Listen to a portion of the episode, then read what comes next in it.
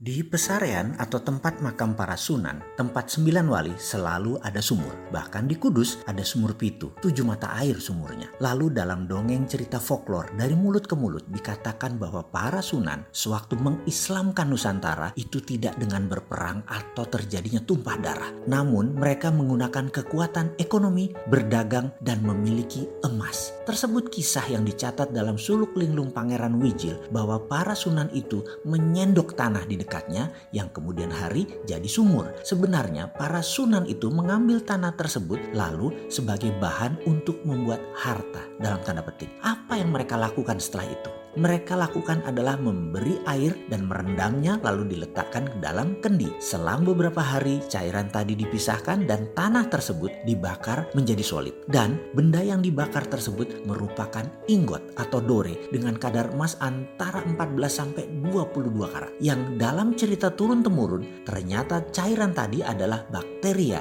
atau kalau dalam bahasa modern dalam ilmu patologi itu adalah bioengineering. Para sunan memisahkan unsur logam tadi menggunakan bakteria. Para sunan melaksanakan bioengineering jauh sebelum dunia mengenal mikroba, virus, bakteri di mana mereka menyebutnya dengan istilah lelembut. Saking halus dan kecilnya, ini bukan makhluk halus seperti jin, setan dan segalanya. Ini adalah makhluk kecil super nano yang bekerja menurut hukum alam. Inilah yang menjadi kunci sukses bermain di bidang metalurgi yang harus dicari oleh generasi anak bangsa Nusantara, kekayaan ilmu teknologi logam. Osmium misalnya, benda logam yang berat jenisnya lebih berat dari besi namun selalu oily, licin. Kalau osmium diproduksi dibuat untuk benda yang rotating berputar seperti turbin, jet engine, baling-baling propeller kapal laut, maka pelumas olinya hanya perlu 10% saja kebutuhannya. Mesin menjadi lebih baik performanya dengan perawatan yang rendah. Dunia aviasi dan dunia maritim bisa maju tiga kali lipat dari sekarang dan osmium itu banyak di bumi Nusantara.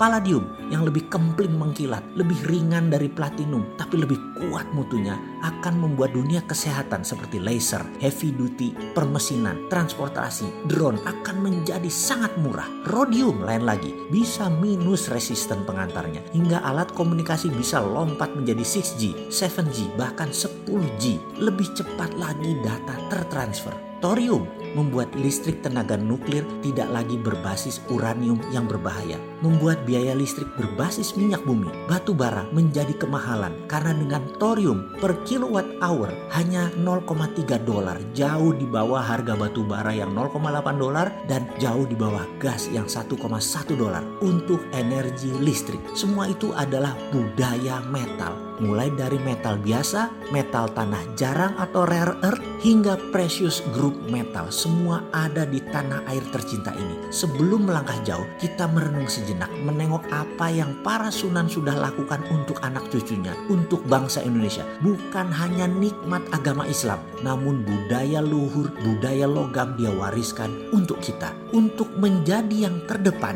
warisan beliau-beliau tersebut harus kita pertahankan. Inilah strategi SWF, Sovereign Wealth Fund berbasis natural resources capital yang selalu didengungkan oleh si bosman yang sok keminter ini. Menggunakan kekuatan kedaulatan sovereign natural resources untuk menjadi alat tawar kepada negara lain. Bukan menjadi pengemis minta-minta pinjaman seakan-akan kita ini miskin. Sekali lagi, sejarah sudah mengingatkan, wahai pejabat, rajin-rajinlah baca sejarah dan menengok kekuatan bangsa sendiri. Semua tersedia, semua tinggal dipakai. Masih nggak ngerti juga ya SWF ilmunya para sunan ini ya. Ngobrol dong kita.